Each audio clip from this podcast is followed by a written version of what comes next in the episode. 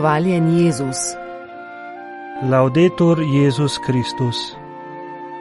Poslušate slovensko oddajo Radia Vatikan.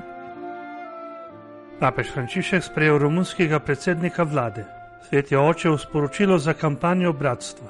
Gradimo bratstvo in premagajmo razdaljenosti, brezbrižnost in nasilje. Papež Frančišek umetnikom, pomagajte nam sanjati lepši svet. Sveti oče, s hrano, ki jo zavržemo, bi lahko nasitili vse lačne. Svetovni dan starih staršev in ustarili 2024 bo nosil naslov Na stare dni me ne zavrzi. Papež Frančišek je v četrtek 15. februarja sprejel v audienco predsednika vlade Republike Romunije, gospoda Jona Marčela Čiolakuja. Po osebnem pogovoru papeža Frančiška z romunskim predsednikom vlade, ki je trajal okoli 25 minut, je sledila izmenjava darov in zatem srečanje v državnem tajništvu. Prisluhnemo izjavi tiskovnega urada svetega sedeža.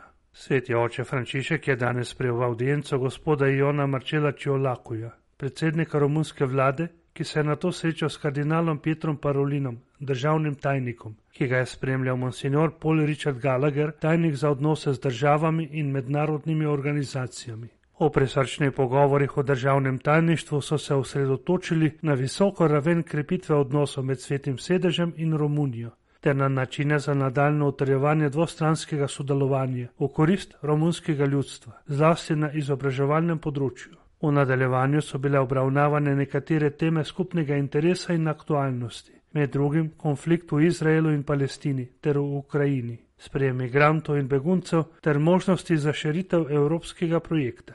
Ob koncu srečanja sta si papež Frančišek in gospod Jon Marcel Čiolako izmenjala darove. Svet je oče romunskemu predsedniku vlade daroval umetniško delo v Bron z naslovom Gostoljubje. Nadalje mu je sveti oče še podaril tiskane izdaje papiških dokumentov, letošnjo poslanico za svetovni dan miru, knjigo Stacio Orbis 27. marca 2020 in izvod knjige Papiško stanovanje za audience, ki jo je uredila prefektura papeške hiše.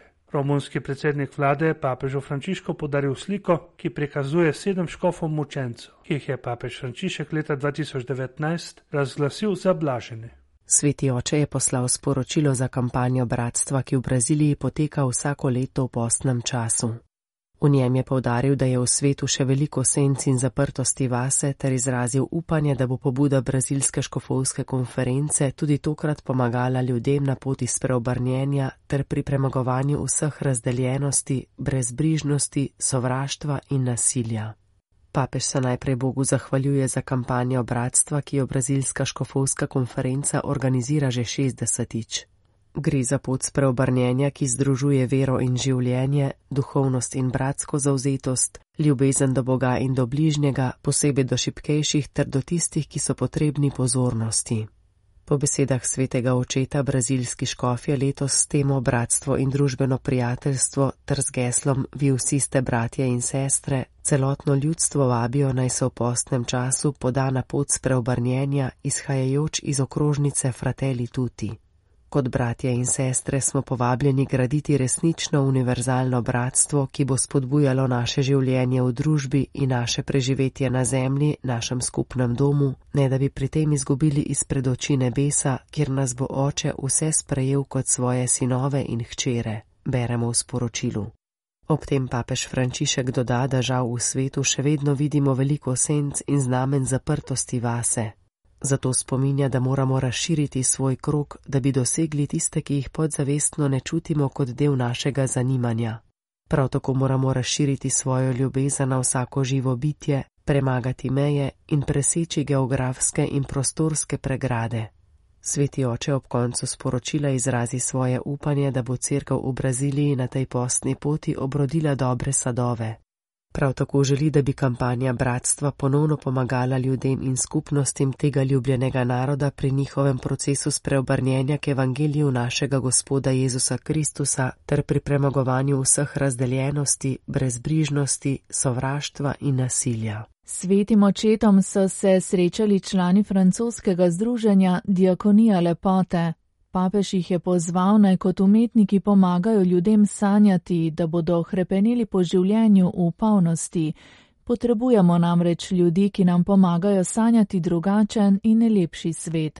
Združenje Diakonija lepote povezuje umetnike vseh vrst, glasbenike, pesnike in pevce, kiparje, igravce in plesalce, ki želijo biti pričevalci božje ljubezni.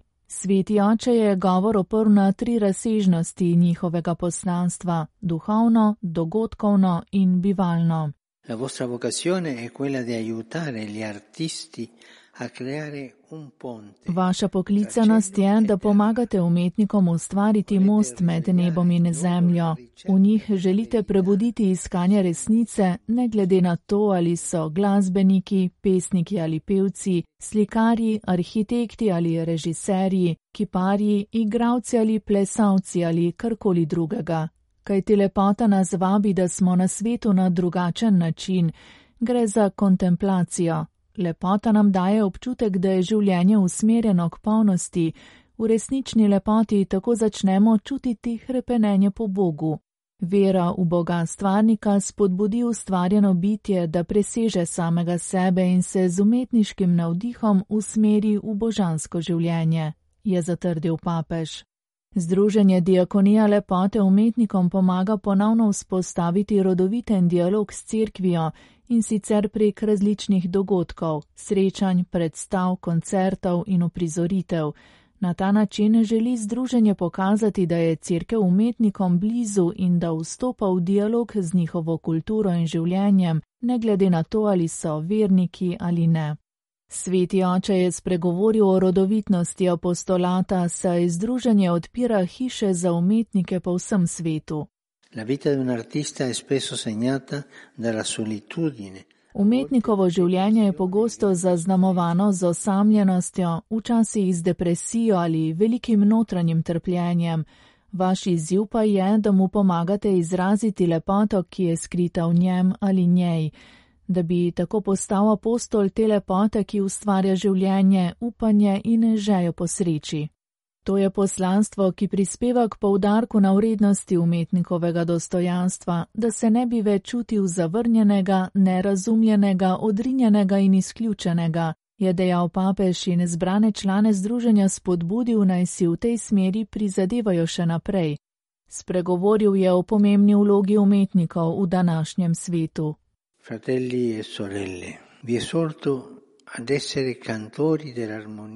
Bratje in sestre, pozivam vas, da ste pevci harmonije med narodi, kulturami in verstvi.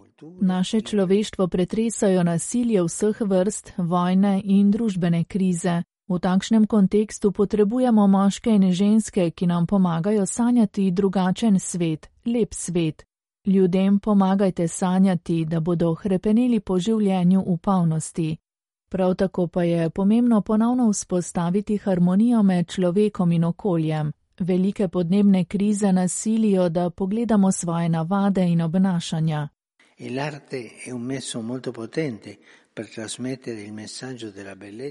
Umetnost pa je zelo močno sredstvo za posredovanje sporočila o lepoti narave. Skrbeti za svet, ki nas obkroža in nas podpira, pomeni zauzemati se za nas same. Preoblikovati se torej moramo v neki mi, ki prebiva v skupnem domu. Vprašanje, ki si ga je treba zastaviti, je, kakšen je naš prispevek k izgradnji harmoničnega sveta. Kot je dodal sveti oče, nas kultura lepote vedno postavi v gibanje. Srečati lepoto Boga nam omogoči, da ponovno začnemo in se podamo na pot, ki vodi k bolj človeškim in bratskim družbam. Papež Frančišek je udeležencem 47. zasedanja sveta guvernerjev Mednarodnega sklada za kmetijski razvoj poslal sporočilo, v katerem izpostavlja, da zavržena hrana škoduje podnebju, medtem ko bi z njo lahko nahranili lačne po svetu. Sveti oče ponovno spomni, da peščica ljudi odmetava veliko količino hrane, medtem ko si mora na milijone ljudi zategovati pasove. Po njegovih besedah bi pravilna porazdelitev omogočila, da bi nahranili vse, ki trpijo lakoto. Hkrati opozori na dejstvo, da hrana, ki se vsako leto zavrže, ustvarja ogromne količine toplogrednih plinov, ob čemer doda: Svet smo pripeljali do nevarnih meja. Podnebje se spreminja, viri se izkoriščajo brez mere. Konflikti in ekonomska kriza ogrožajo preživetje milijonov ljudi.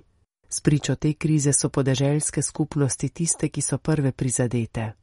Sveti oče zapiše, da je težava teh majhnih skupin v tem, da nimajo sredstev, da bi se lahko soočile z izzivi podnebnih sprememb in konfliktov, ter da so izključene iz dostopa do finančnih sredstev. V to kategorijo spadajo avtohtona ljudstva, katerim so bile oduzete in kršene njihove pravice, ženske, ki so stebr preživetja za več kot polovico družin, ki trpijo zaradi nezanesljive preskrbe s hrano, ter mladi, ki imajo pomemben potencial za inovacije in pozitivne spremembe. V nadaljevanju sporočila papež jasno zapiše, da se pri soočanju z lakoto in bedo ni mogoče zadovoljiti z abstraktnimi strategijami ali nedosegljivimi obljubami, ampak je potrebno gojiti upanje, ki izhaja iz skupnega delovanja. Takšno sodelovanje bi moralo biti po besedah svetega očeta usmerjeno v izgradnjo bolj vključujočega kmetijskega in prehranskega sistema z raziskovalnimi in tehnološkimi programi, ki podpirajo trajnostno in okolju prijazno kmetijstvo. Da bi zmanjšali količino odpadkov in podprli pravično porazdelitev virov, papež priporoča naložbe v prevoz in skladiščanje, saj lahko zmanjšajo izgube malih kmetov, ki proizvedejo tretjino dnevno zaužite hrane. Ob koncu sporočila sveti oče Mednarodni sklad za kmetijski razvoj poziva naj njihovi predlogi in dejanja odražajo univerzalne vrednote pravičnosti, solidarnosti in sočutja, ter ne bodo usmerjena v skupno dobro in v delo za mir in družbeno prijateljstvo. Letošnji četrti svetovni dan starih staršev in ostarelih bo potekal v nedeljo 28. julija na temo Na stare dni me ne zavrzi. Sveti oče želi z izbrano temo izpostaviti, da je osamljenost pogosto grenka sopotnica v življenju mnogih ostarelih oseb, ki so pogosto žrtve kulture odmetavanja.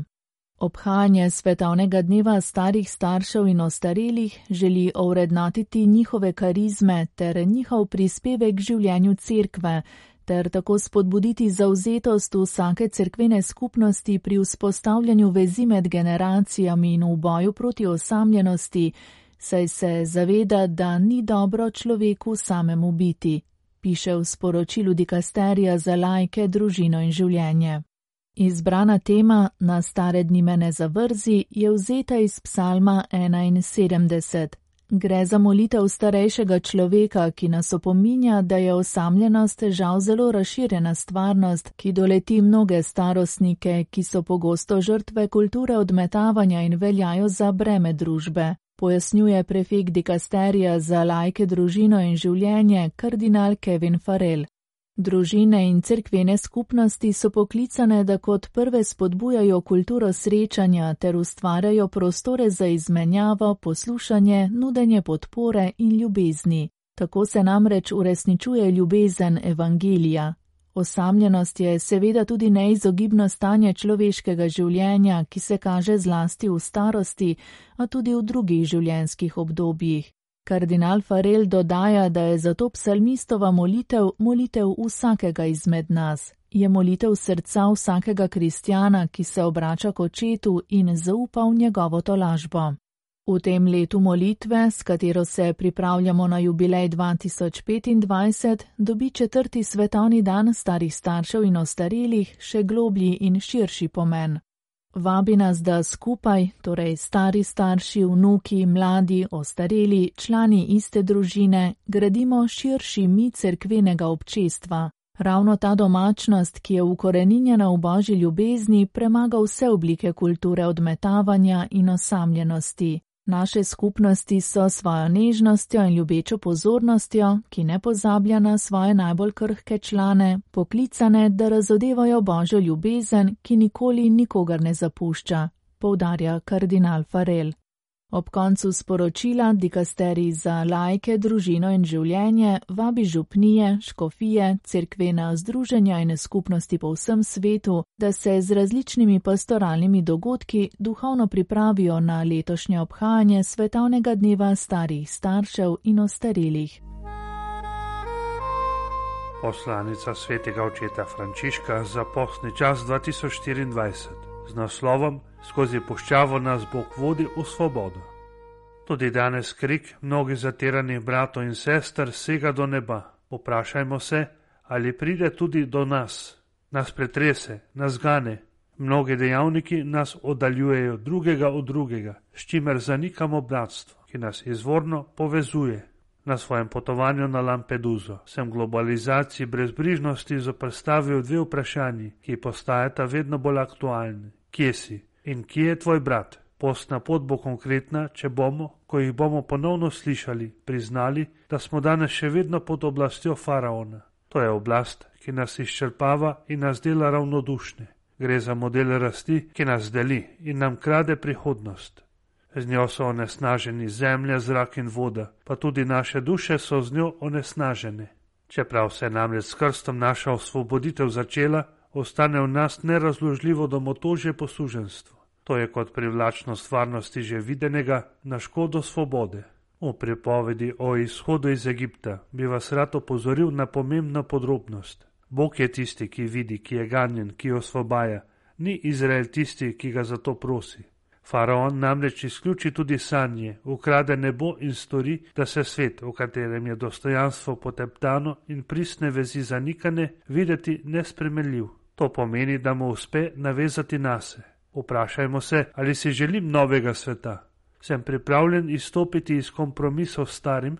Prečevanje številnih bratov škofov in velikega števila delavcev za mir in pravičnost me vedno bolj pripričuje, da je treba razkriti vedno večje pomankanje upanja. Gre za uvero za sanje, za nemi krik, ki sega do neba in gane Božje srce. Podoben je tistemu domotožju poslušnosti, ki hromi Izraela v puščavi in mu preprečuje, da bi napredoval. Izhod se lahko prekine, drugače ne bi bilo mogoče razložiti, zakaj človeštvo, ki je doseglo prak vesolnega bratstva in je na ravneh znanstvenega, tehničnega, kulturnega in pravnega razvoja sposobno vsem zagotoviti dostojanstvo, tava v temi neenakosti in konfliktov.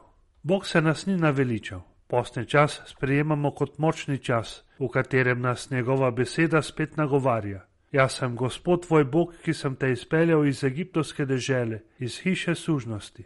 To je čas spreobrnenja, čas svobode. Kot se spominjamo vsako leto na prvo postno nedeljo, je Jezusa samega duh odvedel v puščavo, da bi bil preizkušen v svobodi. 40 dni bo pred nami in z nami. On je učlovečeni sin. Za razliko od faraona, Bog noče podložnikov, ampak sinove. Poščava je prostor, v katerem naša svoboda lahko dozori v osebno odločitev, da ne bomo ponovno zapadli v sužnost. V postu odkrijemo nova merila za presojo in skupnost, s katero napredujemo po cesti, po kateri še nismo hodili. To prinaša seboj boj. Jasno nam o tem pripovedujejo druga Mojzesova knjiga in Jezusove skušnjave v puščavi.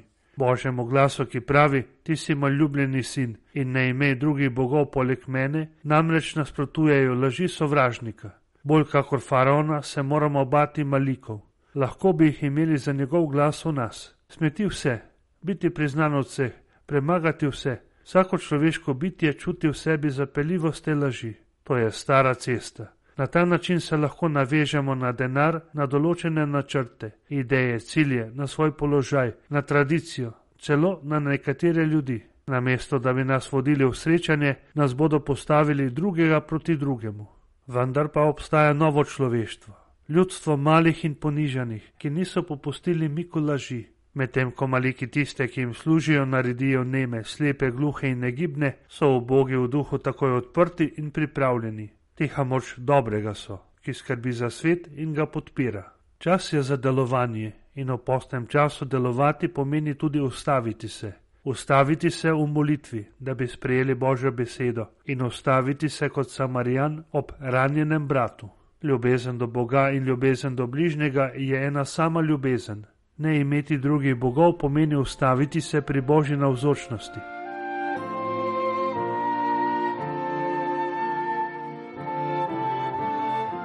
Poslušali ste slovensko oddajo Radia Vatikan.